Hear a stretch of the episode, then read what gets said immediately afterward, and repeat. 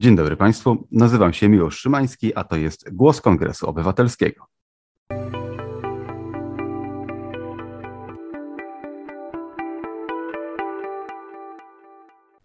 Dziś porozmawiamy sobie o odporności miast i o tym, jak wyglądać może przyszłość i jak się na nią przygotować.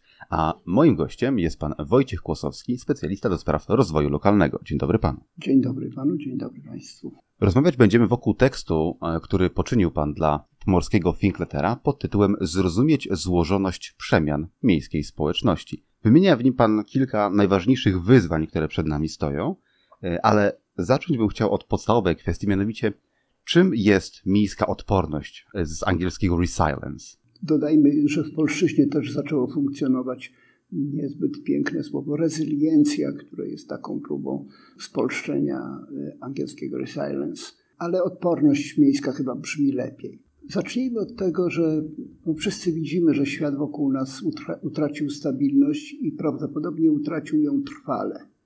E, musimy się przyzwyczaić do tego, że nasze miasta, które powstawały w świecie względnie stabilnym, o długim horyzoncie przewidywalności, w tej chwili funkcjonują w świecie, który różni się od poprzedniego świata tym, że jest światem nieprzewidywalnym w perspektywie krótko i średnioterminowej. Nie wiemy, co się zdarzy za chwilę.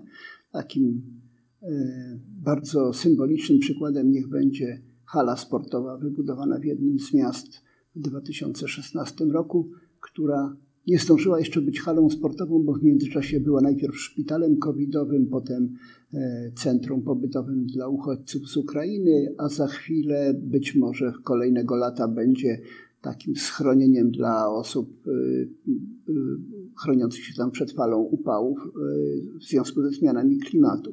Krótko mówiąc, coś, co myśmy rozsądnie planowali, rozsądnie w kategoriach tego świata stabilnego, a więc hala przewidziana na widowiska sportowe pełni różne funkcje, o których nie wiedzieliśmy w chwili wymyślania i budowania tej hali. I odporność miejska jest odpowiedzią na ten stan świata, e, który otacza nasze miasta. Jest próbą przekształcania miast w taki sposób, żeby one względnie stabilnie funkcjonowały w świecie niestabilnym. Czyli żeby były odporne na różne turbulencje e, otoczenia, przede wszystkim związane z, ze zmianami klimatu. Tak, tak myśleliśmy o tym w chwili, kiedy to pojęcie powstawało, a teraz już wiemy, że ta odporność również się rozciąga na turbulencje związane ze zmianami społecznymi, gospodarczymi, politycznymi. I to przywodzi na myśl szkoły tysiąclatki budowane w czasie PRL-u, które można było szybko i sprawnie przekształcić na szpitale w razie wojny, do którego oczywiście PRL miał obowiązek się szykować z polecenia Związku Radzieckiego. Natomiast co poza przykładem hali sportowej moglibyśmy uznać jako przykłady przygotowywania się na rzeczy, których się spodziewać nie jesteśmy w stanie? I jakie jeszcze inne elementy infrastruktury mogą nam pomóc przygotować się właśnie na coś, czego nie jesteśmy w stanie przewidzieć? Mm -hmm. Trzeba by było zacząć od tego, ten paradoks, który wybrzmiał w Pana pytaniu, jest, jest dobrym punktem wyjścia. Jak przygotowywać się na coś, do czego przygotować się de facto nie da, bo nie da się tego przewidzieć. Otóż mm, jest na to odpowiedź. To nie jest tak, że, że stoimy bezradni wobec tych turbulencji świata otaczającego nas. Mm, odpowiedź była i, i porównanie ze szkołą tysiąclatką jest nie do końca trafne, chociaż jest, jest ciekawe. E, tam mieliśmy mm, z góry zaplanowane przekształcenie obiektu publicznego z jednej funkcji na drugą, która była znana. Znaczy szkoła zamieniała się w szpital. A dzisiaj mamy zrobić rzeczy trudniejsze. Infrastruktura miejska musi mieć zdolność dostosowywania się, ale nie wiemy do czego. E, krótko mówiąc, gdybym podpowiadał miastom, jak w 2016 roku należało zamówić e, projekt architektoniczny na ten obiekt hali sportowej, to, to dzisiaj zamówienie dla projektanta by brzmiało tak. Proszę zaprojektować nam wielkokubatorowy obiekt miejski, który będzie łatwo dostosowywać do bardzo różnych funkcji, nie wiemy jeszcze jakich. Obiekt, który będzie od razu zaprojektowany tak, żeby miał pewną elastyczność przekształcania e, go pod kątem najróżniejszych wyzwań. I teraz katalog tych wyzwań dokładnie nie jest nam znany. Trudno było przewidzieć w 2016 roku, że za chwilę wybuchnie wojna w Ukrainie, a wcześniej pandemia ogarnie świat. Ale dziś trzeba myśleć w ten sposób o, o projektowaniu miast i o urządzaniu różnych usług miejskich, żeby możliwe dostosowania odbywały się niewielkim kosztem, żeby to było tanie, żeby mieć przygotowanie na e, najróżniejsze warianty, które możemy przewidzieć w scenariuszach w przyszłości, bo dzisiaj no, właściwie nie, inaczej nie planujemy strategicznie, jak tylko poprzez scenariusze. To e, projekt, planowanie strategiczne jednowątkowe straciło zupełnie aktualność. Nie, nie wiemy, jak będzie wyglądała przyszłość, wobec tego strategia musi być scenariuszowa. I teraz w tych wymaganiach do, dla nowej infrastruktury miejskiej musi być odpowiedź na, na wszystkie prawdopodobne scenariusze. To nie znaczy, że nam się uda przewidzieć wszystko, ale będziemy mieli poczucie, że jesteśmy troszkę lepiej przygotowani do tej zmiennej, nieprzewidywalnej przyszłości krótkoterminowej. A więc podstawą jest zrobienie dobrej strategii dla miasta, właśnie takiej, która przewiduje różne scenariusze wariantowe, możliwe przyszłe przebiegi sytuacji w mieście. Jeśli tak, to zrobimy to, a jeśli owak, to zrobimy owo. I to dotyczy wszystkiego, co w mieście się, y, czym w mieście się zarządza, czym władze miejskie zarządzają. Nie tylko infrastruktury, ale również y, sposobu zorganizowania usług miejskich, y, relacji społecznych w mieście. Proszę sobie wyobrazić, na przykład, jak miasta sobie radzą z falą dzieci i młodzieży z Ukrainy w, szko- naszych szkołach. Przecież to, to tak naprawdę nie wymaga zabiegów infrastrukturalnych. To wymaga tak naprawdę zabiegów organizacyjnych, zatrudnienia nauczycieli wspomagających, zorganizowania inaczej klas, zastanowienia się, czy dzieci w każdym wieku tak samo potraktować i tak dalej, i tak dalej. A więc, a więc mamy rezyliencję y, nie w sferze budowy infrastruktury, tylko w sferze organizowania usług miejskich. Tyle takiej ogólnej odpowiedzi, bo przykładów można dać nieskończenie wiele, ponieważ samorządy mm, lokalne zajmują się właściwie nieskończoną ilością spraw. Cieszę się, że wspomniał Pan o tym, że zwiększanie odporności miast niekoniecznie musi się wiązać z budowaniem e, dużej infrastruktury, bo w kontekście właśnie uchodźców z Ukrainy, moim zdaniem, jest to bardzo ważny znak e, na dwóch płaszczyznach. Po pierwsze, pokazaliśmy, że jako społeczeństwo jesteśmy w stanie zrobić no, coś naprawdę dużego e, i byliśmy w stanie zorganizować pomoc dla mniej więcej dwóch milionów ludzi i to nie przyniosło absolutnie e, żadnej katastrofy, której można było się spodziewać wcześniej, ale pokazało to także, że niezwykle ważnym elementem odporności na tego typu szoki jest to, żeby zmotywować ludzi do tego, żeby każdy po troszeczku na swoim poletku zrobił i wtedy niepotrzebne są chociażby wielkie hale, wielkie centra, znaczy i takie mamy, ale nie były one niezbędne do tego, żeby poradzić sobie z napływem tych uchodźców z Ukrainy, bo każdy, kto mógł, brał do siebie jedną rodzinę czy dwie i nagle się okazało, że jeżeli rozdzielimy ten potężny wysiłek na maleńkie strumyczki, na pojedynczych ludzi, to ta skala tego problemu się zmniejsza znacząco. To jest znowu bardzo dobry punkt wyjścia do rozmowy o czymś, co mm, te miasta rezylientne będzie charakteryzowało. Mianowicie nie da się, jeżeli miasto ma być rzeczywiście mm, odporne, mm, no niech będzie rezylientne, choć jakoś nie mogę przyzwyczaić się do tego, do tego słowa, to, to musi w nim też po nowemu funkcjonować społeczność miejska.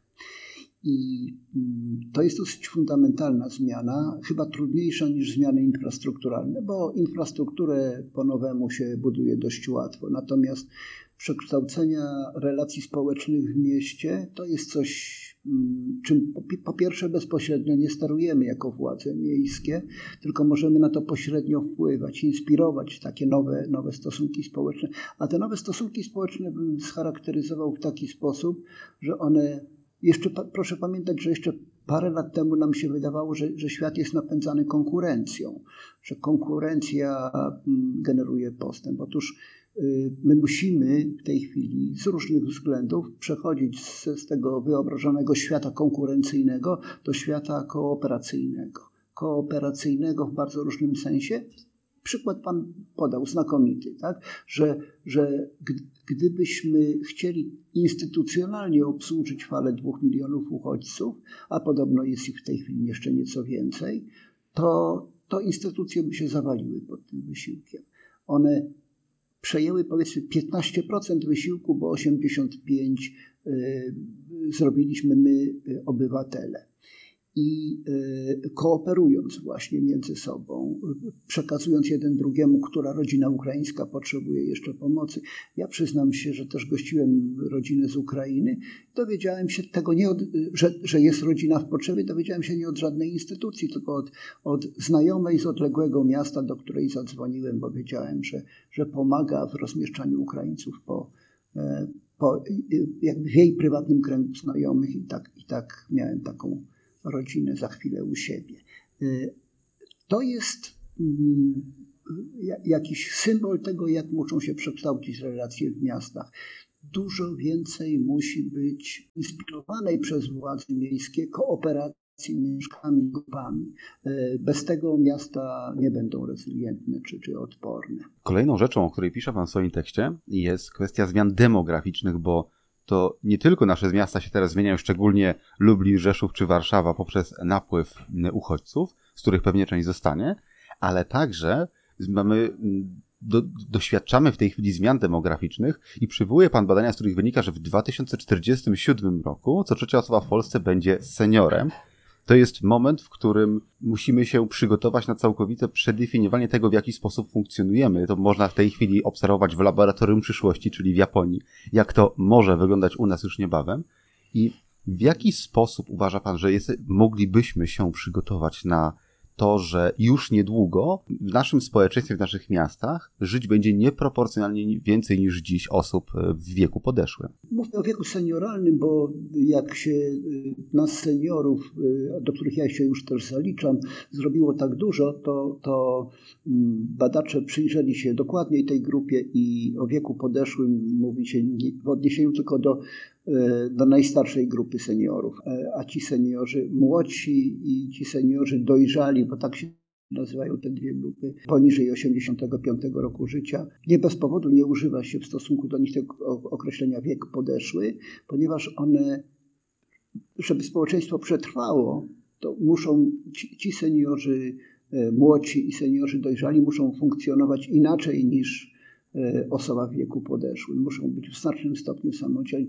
I teraz chyba bym zaczął od tego. Proszę sobie po pierwsze wyobrazić, że jak w prognozie GUS-u, a prognoza GUS-u y, robiona niezwykle solidnie, są brane pod uwagę najróżniejsze czynniki demograficzne i takie, które determinują zmiany demograficzne, więc to jest prognoza bardzo wiarygodna. No jakby wszystkie wieloletnie prognozy demograficzne GUS-u do tej pory się sprawdzały w 100%, więc ta jest też wiarygodna.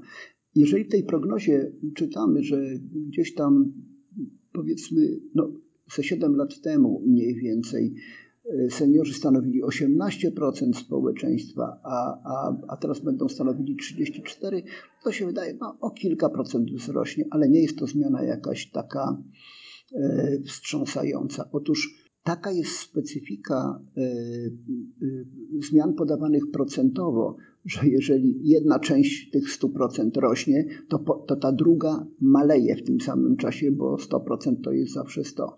I bardziej obrazowo da się o tym powiedzieć w ten sposób. Jeżeli w 2015 roku powiedzmy na jednego seniora przypadało 5 osób młodszych od niego, 5, czyli miał kto, kto tym seniorem się opiekować, miał kto zarabiać na jego emeryturę, bo przecież wiemy, że, że ZUS nie ma zgromadzonych tych pieniędzy, je trzeba wypracowywać na bieżąco. Pięć osób młodszych na każdego seniora, to w 2050 to będą tylko dwie osoby. Ta proporcja społeczna się zaburzy dramatycznie. W tym świecie, gdzie tylko dwie osoby młodsze będą przypadały na każdego seniora, a w tych dwóch osobach proszę sobie wyobrazić, że jest i dziecko, i, i młody człowiek, który jeszcze nie rozpoczął pracy zawodowej, i osoba w wieku produkcyjnym. To nieuniknione jest to, że seniorzy będą musieli być życiowo samodzielni, nie uzależnieni od, od wsparcia i pomocy, ponieważ nie będzie miał kto tej pomocy i tego wsparcia udzielać. Będzie za mało osób młodszych w stosunku do liczby seniorów. Seniorzy muszą być zdrowsi, samodzielniejsi życiowo, muszą żyć inaczej niż dziś wyobrażone osoby w wieku podeszłym.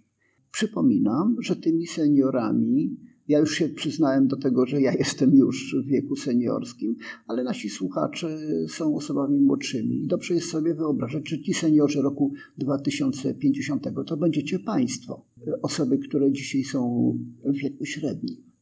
I to ich będzie dotyczyła ta sytuacja, że muszą być wtedy osobami samodzielnymi życiowo, nieuzależnionymi od pomocy innych. A więc, żeby tak było, trzeba dzisiaj myśleć o swoim trybie życia, o swoim sposobie odżywiania się, o swoim zdrowiu yy, i tak dalej. O tym, żeby dotrwać do dojrzałego wieku w dobrostanie psychicznym, co jest coraz trudniejsze. Yy, to jest jeden biegun te, tych zmian demograficznych. Społeczeństwo się starzeje. Mówimy czasami obrazowo o tak zwanym srebrnym tsunami, czyli takiej fali demograficznej starości. A drugi biegun to jest właśnie migracja z Ukrainy, która mm, w znacznej części się składa z, z młodych kobiet i, i, dzieci. Taką specyfikę ma ta migracja związana z wojną, że mężczyźni raczej zostają w swoim kraju. Wobec tego mamy taki taką bardzo ciekawą sytuację, że w młodym pokoleniu ten udział y, y, imigrantów z Ukrainy i imigrantek jest stosunkowo dużo większy niż w starszym pokoleniu. Jak Państwo bywacie na placach zabaw, to słyszycie tam język ukraiński wśród dzieciaków y, i wśród matek siedzących na ławkach i, i, i obserwujących swoje dzieci. A jak przejdziecie się do, do klubu seniora, to tam słyszycie wyłącznie język polski. I grozi nam jako społeczeństwu takie pęknięcie na dwa nierozumiejące się pokolenia, na jednolite etnicznie y, i takie niezmienne demograficznie starsze pokolenie oraz wieloetniczne, wielokulturowe, otwarte na, na zmiany pokolenie młode. To jest y, niezwykłe zagrożenie. Społeczeństwo pęknięte na, na dwa nierozumiejące się światy społeczne no, my, my, w Polsce wiemy, y, y, jakie to ma skutki i żadnemu społeczeństwu tego nie życzę. I wobec tego fundamentalnie ważne staje się w tej chwili w miastach, y, jeśli mają być właśnie miastami odpornymi, wymyślanie, inspirowanie, uruchamianie projektów, które łączą aktywności różnych pokoleń. I mówiąc symbolicznie, jeśli dzisiaj w naszych miastach mamy kluby młodzieżowe i kluby seniora, to przyszłością naszych miast są kluby wielopokoleniowe. Trzeba wymyślić, jak to zrobić, żeby seniorzy mieli jakieś aktywności wspólne z pokoleniem swoich wnuków i żeby to nie były aktywności banalne, sztuczne, typu odwiedziny mm, seniora w szkole, tylko żeby to były autentyczne jakby fragmenty wspólnego życia, realizowanie wspólnego hobby, y, włączanie się w te same aktywności społeczne, y, wspólnota stylu życia. To jest możliwe, bo znamy społeczeństwa, w których to się realizuje. Ale trzeba to świadomie kreować, bo inaczej grozi nam pęknięcie świata społecznego na te dwa nierozumiejące się pokolenia. Czyli mówi Pan o klubach, które skupiałyby aktywność różnych pokoleń. Przy czym Coś takiego w tej chwili nie funkcjonuje, więc w jaki sposób pan sobie to wyobraża? W klubach, oczywiście w sensie symbolicznym, to nie musi być y, klub instytucjonalny, ale y, klub w rozumieniu grupy osób poczuwających się do pewnej grupowej wspólnoty. I teraz tak, czy to nie funkcjonuje? No, to nie do końca tak jest. Mamy takie enklawy. Proszę zobaczyć na różne środowiska hobbystyczne. Czy wśród o, szukam przykładów. Wśród wędkarzy jest jakiś podział na młodych i starych? Nie, prawdopodobnie wędkują wszystkie pokolenia, bo łączy ich wspólna pasja. Czy wśród mm, rekonstruktorów historycznych jest podział na starych i młodych? Zapewniam, że nie ma. Sam, sam jakby z tego środowiska się wychodzę i, e, i tak dalej. I takich środowisk, które są połączone wspólną pasją jest masę, w których osoby reprezentujące trzy różne pokolenia są ze sobą w relacjach koleżeńskich, przyjacielskich, mówią sobie na ty nie ma podziału na inną rolę dla starszych, a inną dla młodszych, tylko się realizuje jakąś pasję wspólnie. I teraz w miastach współczesnych jak, jak wody potrzeba takich obszarów aktywności, które będą łączyły starsze i młodsze pokolenie. To fajnym przykładem chyba będą różnego rodzaju ogrody społeczne miejskie. Takie miejsca, gdzie sami mieszkańcy miasta uprawiają sobie jakiś kawałek terenu zielonego, po części po to, żeby sobie wyprodukować coś pożytecznego, wyhodować na, ty, na tym obszarze, ale przede wszystkim chyba dlatego, żeby mieć taką prozdrowotną aktywność na świeżym powietrzu, poruszać się troszeczkę, y, uspokoić zestresowany umysł i popatrzeć sobie, jak rośliny rosną. I to rzeczywiście często łączy osoby bardzo różnych pokoleń. Tego typu pomysły na aktywności miejskie ja bym rozpoczynał od tego, żeby przejrzeć obecny sposób organizowania aktywności miejskich, który jest finansowany z budżetów miast i zobaczyć, które z nich jakby sztucznie wymuszają getta pokoleniowe. Jeżeli my mamy w mieście młodzieżowy dom kultury, na który, w którym są zajęcia, ale dla określonej grupy i osoba starsza tam się nie może zapisać, a z drugiej strony miasto finansuje różnego rodzaju aktywności seniorskie i tam z kolei nie może się zapisać osoba młodsza, to trzeba brać pod uwagę, że to są aktywności, które powoli będą zanikać na rzecz innych aktywności. Że trzeba teraz wymyślać model, jak ten uniwersytet trzeciego wieku powoli ma się przekształcać w instytucję kooperującą z jakimiś środowiskami młodzieżowymi, ale nie na zasadzie mm, dwóch grup, które się czymś wymieniają, tylko na zasadzie wymieszania tych grup w różnych aktywnościach. Znaczy, na pewno dla, dla różnych pokoleń jest dobroczynne, jeżeli mają okazję żywego kontaktu z innymi pokoleniami. Dla młodych ludzi to jest, to jest bardzo, bardzo, no, takie bym powiedział, edukacyjne i być może i terapeutyczne, a dla seniorów z całą pewnością. Kontakt z młodymi ludźmi dla seniorów jest no, niezbędny w tej przyszłości miast, która, które mają być odporne. Myślę, że w tym miejscu możemy postawić kropkę. Dziękuję panu pięknie za rozmowę. Dziękuję, dziękuję panu, dziękuję państwu. Moim gościem był pan Wojciech Kłosowski, specjalista do spraw rozwoju lokalnego, a rozmawialiśmy wokół tekstu Zrozumieć złożoność przemian miejskiej społeczności, który ukazał się w ramach pomorskiego Thinkletera.